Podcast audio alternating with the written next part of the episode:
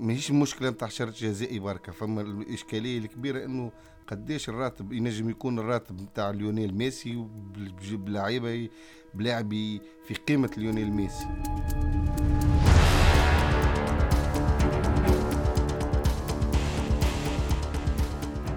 أهلا بكم مستمعينا في بودكاست في عشرين دقيقة وحلقة اليوم سوف تكون حلتها رياضية. نتحدث وإياكم اليوم ونطرح موضوع وقضية ليو ميسي أو ليونيل ميسي. الذي أصبح الجميع في هذه الفترة يتحدثون عنه وعن قضيته وقضية خروجه أو إمكانية ذلك من نادي برشلونة الإسباني. ما اللغز وراء هذه القصة؟ ولماذا تدخل والد ماسي على الخط حتى يحاول أن يحل هذه الأزمة بين نادي برشلونة وليو ماسي؟ وأسئلة كثيرة أخرى الحقيقة يمكن أن يطرحها محبو هذا النجم الرياضي وسنحاول إيجاد إجاباتها في حلقة اليوم من بودكاست بودكاست في عشرين دقيقة. أهلا بكم.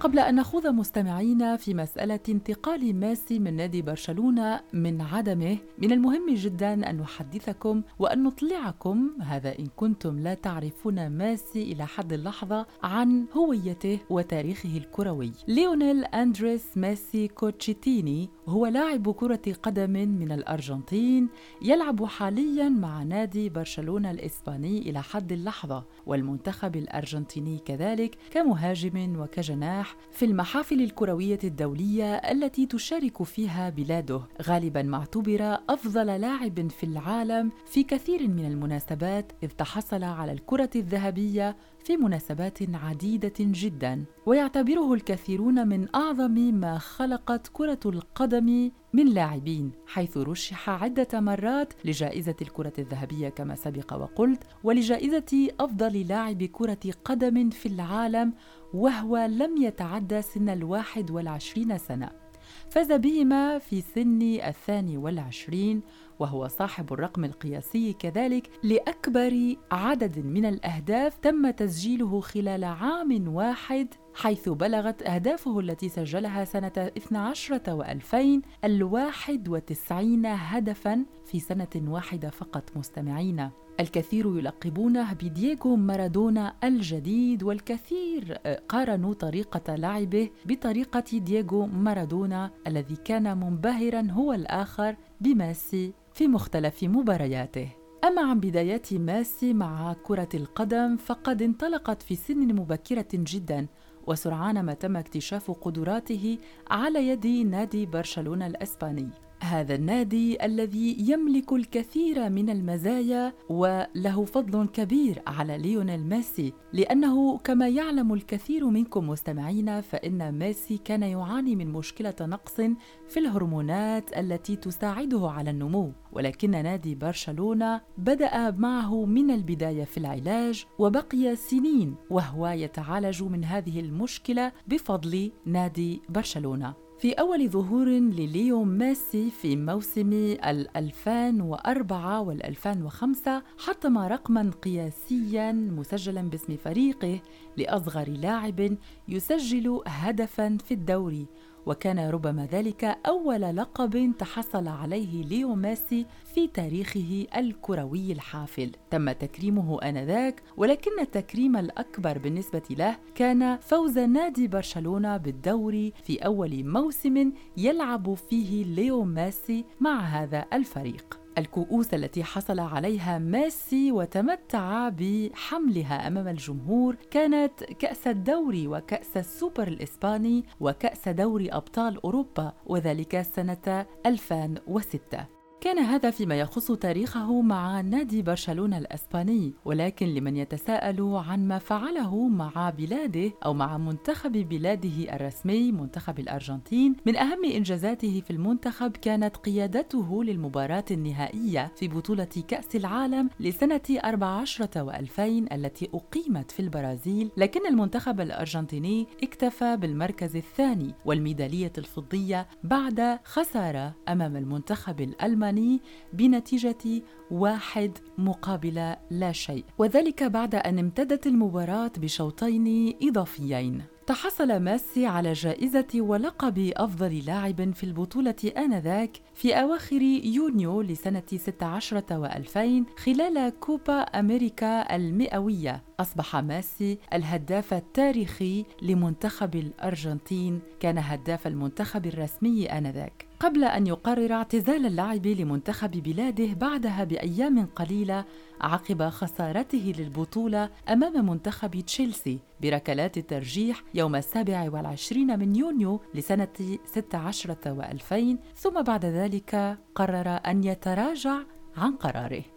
لاعب بهذا الحجم مستمعين لا يمكن التشكيك في قدراته خاصة إن علمنا عدد الجوائز التي حصدها في تاريخه إلى حد هذه اللحظة التي بلغ فيها من العمر 32 عاما. دعوني أذكركم ببعض الألقاب منها. تحصل ميسي على جائزة أفضل مهاجم في الدوري الإسباني لسنة 9 و2000 10 و2000 11 و2000 12 و2000 13 و2000 15 و2000 و16 و2000 كذلك تحصل على جائزة أفضل أو لقب أفضل لاعب في أوروبا لسنتي 11 و2000 و15 و2000 أما الحذاء الذهبي الأوروبي فقد تحصل عليه سنة 10 و2000 12 و2000 13 و2000 17 و2000 18 و2000 و19 و2000 جائزة الفيفا لأفضل لاعب تحصل عليها سنة 19 و2000 فقط. أفضل لاعب بالعالم كله. كان اللقب الذي تحصل عليه سنة 9 و2000 تحصل على كرة الفيفا الذهبية تحصل عليها لأربع سنين. سنة 10 و2000 سنة 11 و2000 12 و2000 و15 و2000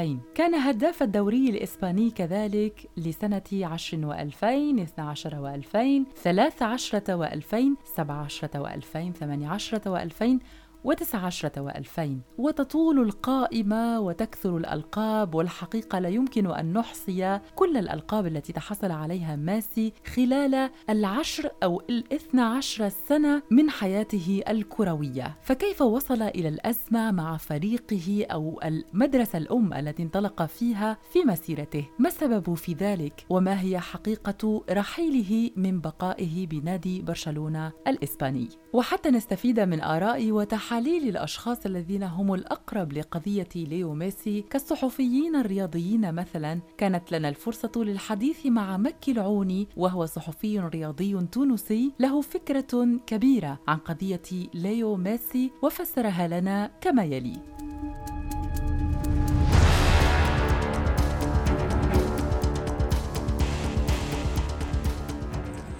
مرحبا وهيبة مرحبا بجميع المستمعين. موضوع ليو ميسي ملأ الدنيا وشغل الناس منذ أيام فمنذ الهزيمة المذلة لفريقه برشلونة مع البايرن في ربع نهائي رابطة الأبطال الأوروبية. لا حديث في الصحافة العالمية في شبكات التواصل الاجتماعي غير مغادرة ليو ميسي لإدارة برشلونة. الأحداث بدأت مباشرة بعد مباراة بايرن مع برشلونة والهزيمة مذلة هزيمة جعلت ليو ميسي آه، يطلب مغادرة الفريق لم يطلب في البداية مغادرة الفريق بصفة آه، رسمية بل كان فقط إشارات حول طلبه مغادرة الفريق. بقي ينتظر قرارات إدارة برشلونة. إدارة برشلونة آه، أقالت المدرب كيكي سيتين كما أقالت المدير الرياضي للفريق إيريك أبيدال لكن الطلب الأبرز لميسي ولأغلب متتبعي برشلونة وحباب برشلونة كان استقالة طلب استقالة رئيس الفريق بارتوميو. بارتوميو لم يستقل فكان الرد من ليو ميسي حيث راسل إدارة الفريق بصفة رسمية طالبا مغادرة الفريق قبل آه، نحو عام من نهاية عقده وطلب المغادرة مجانا طلب في البداية تفعيل بند يتيح له فسخ أو إنهاء عقده مع الفريق بعد نهاية كل موسم لكن الرد من إدارة البارسا كان آه، أن هذا البند لا يمكن تطبيقه لأن ميسي وجب أن يراسل إدارة البارسا في نهاية شهر ماي وهذا لم يحصل. لذلك إدارة البارسا أخبرت ميسي أن إن كان يريد المغادرة فعليه أن يأتي ب 700 مليون يورو وهو قيمة البند التسريحي في عقد ميسي مع البارسا العقد الذي ينتهي في شهر جوان من سنة 2021 وهنا بدأت الأزمة تكبر في إدارة برشلونة وميسي وبقيت الأمور غامضة جدا خاصة أن كلنا نعرف أن اللاعب ليو ميسي هو لاعب غامض لاعب لا يتحدث لوسائل الإعلام. كذلك عائلته لا تتحدث لوسائل الإعلام لا ينشر أي بيانات على صفحاته على مواقع التواصل الاجتماعي. لذلك بقي الغموض يسيطر على القصة وسط آه، تكهنات بقربه من الانتقال آه، آه، يعني أو الانتقال إلى نادي مانشستر سيتي حيث سيجد مدربه السابق بيب غوارديولا كما كان هنالك حديث كبير عن الاتصالات من عديد الأندية. أبرزها باريس سان جيرمان إنتر ميلان. كذلك كان هناك حديث عن آه، اتصالات من يوفنتوس مع والد اللاعب ووكيل أعماله. لكن آه، يعني كل التوقعات أو آه، الوجهة الأقرب للنجم الأرجنتيني هي إلى نادي مانشستر سيتي حيث يوجد بيب غوارديولا وعديد الأصدقاء. بالنسبة لليو ميسي إلى حد هذه اللحظة حتى آه، والد ميسي وصف التصريحات الوحيدة التي أدلى بها آه، اليوم بعد وصوله إلى مدينة برشلونة يقول آه، بكل غموض أن مواصلة ابنه مع البارسا أمر صعب كذلك نفى أي حديث مع بيب غوارديولا مدرب المان سيتي أو إدارة المان سيتي لم يعلم وسائل الإعلام عن أي أخبار تخص النجم الأرجنتيني. النجم الأرجنتيني لا يزال صامتا لا يرد لا على إدارة البارسا ولا على وسائل الإعلام وسط غيابه عن تمارين إدارة برشلونة والتي يعني تتجه إلى أزمة كبيرة مع ليو ميسي وهناك حديث في الصحافة الإسبانية عن إمكانية قرار آه، من إدارة البارسا بمعاقبة النجم الأرجنتيني بسبب غيابه عن التمارين الخلاصة أن الأزمة كبيرة وكبيرة جدا ما بين ليو ميسي وإدارة البارسا. موضوع المغادرة صعب لأن البند التسريحي آه، في عقد ليو ميسي مع البارسا هو 700 مليون آه، يورو ولا يوجد أي نادي في الظروف الحالية قادر على دفع هذا المبلغ لتأمين مغادرة ليو ميسي. لذلك آه، إذا أراد أن يغادر ليو ميسي عليه أن يتفق مع إدارة البارسا إدارة البارسا هل ستخفض من قيمة البند التسريحي للموافقة على انتقال ليو ميسي إلى فريق آخر. هل سيواصل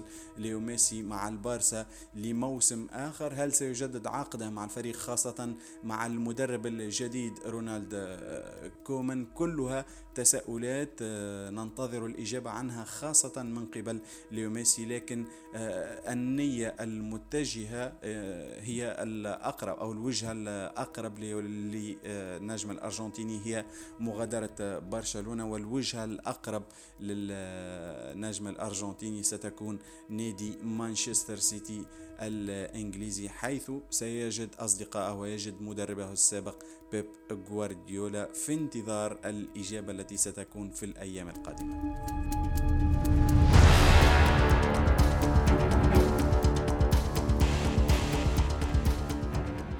كان هذا رأي الخبراء والناس الذين يشتغلون في المجال الرياضي أو في الصحافة الرياضية والذين هم ملمون بقضية ومسألة ميسي بشكل كبير. أما عندما خرجنا للشارع وتحدثنا مع أحباء ليو ميسي فكانت الإجابة كالتالي. آه، من الأسباب اللي تخلي اللاعب الكبير ليونيل ميسي يحب يخرج من برشلونة هي آه، نقص اللعيبة اللي اللي يحس هو أن كونهم ينجموا يعطيوا معاه rendement وينجم ينجم يلعب معاهم ينجموا يحققوا ألقاب اللي joueurs اللي موجودين presque 60% منهم ما همش في مستوى اللي اللي تلوج عليه برشلونة ولا اللي يحبوا ميسي واللي يحبوه محبي برشلونة. واللي هي فريق آه، مستنس ديما يلعب على الالقاب رأيي أنا ينجم يكون هذاك هو اللي حب هذاك اللي يخلي ميسي يحب يخرج من وينجم زاده في حالات أخرى ميسي ما ينجمش يخرج من فريق برشلونة. زاده فما شرط الجزائي نتاعو اللي هو شرط جزائي كبير 700 مليون يورو. ما أنا ما فما ما نتصورش فما فريق في العالم ينجم يدفع الشرط الجزائي اللي موجود وزيد حتى من غير الشرط الجزائي قديش باش تنجم تعطيه ك كراتب في الشهر. مش الشرط الجزائي وحده هو اللي ماهيش المشكلة نتاع شرط جزائي بركة فما الإشكالية الكبيرة إنه قديش الراتب ينجم يكون الراتب نتاع ليونيل ميسي بلاعبي في قيمة ليونيل ميسي.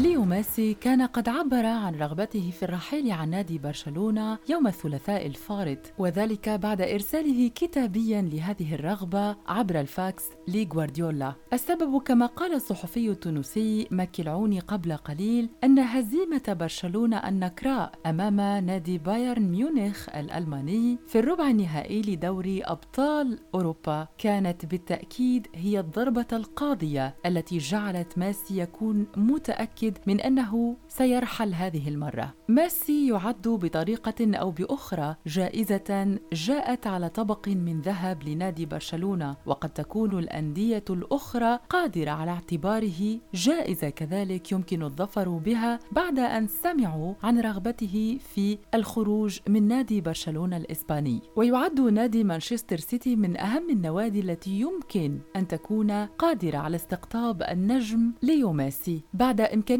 إنهائه لتعاقده مع نادي برشلونة الأسباني. وأما بالنسبة لمن يقولون بأن نادي تشيلسي ممكن أن يقترح على ميسي عقدا ما فإنهم مخطئون بما أن النادي وفي سوق الميركاتو كما يقولون أو سوق الانتقالات للاعبين من نواد إلى أخرى نادي تشيلسي كان قد أتم ثلاث صفقات ضمت لاعبين محنكين. إذا فالنادي ليس بحاجة لإضافة لاعب آخر حتى يلمع اسم تشيلسي. خورخي ميسي والد ليو ميسي كان قد لمح في حديث صحفي بأنه أمر صعب فعلا أن تتواصل أو يتواصل التعاقد بين ليو ميسي من ناحية وفريقه برشلونة الإسباني من ناحية أخرى. رونالد كومان وهو المدير الفني الجديد للفريق الكتالوني فريق فريق برشلونة الأسباني بدأ يفرض على إدارة الفريق ككل مجموعة من المطالب. منها رغبته في ضم أسماء أخرى للفريق وذلك استعدادا للموسم القادم وللعمل على الحصول على ألقاب أخرى قادمة. المدير التنفيذي الجديد يريد فعلا تعزيز صفوف نادي برشلونة الإسباني من خلال ضم اسم هولندي في الموسم القادم أو في موسم الميركاتو أو الانتقالات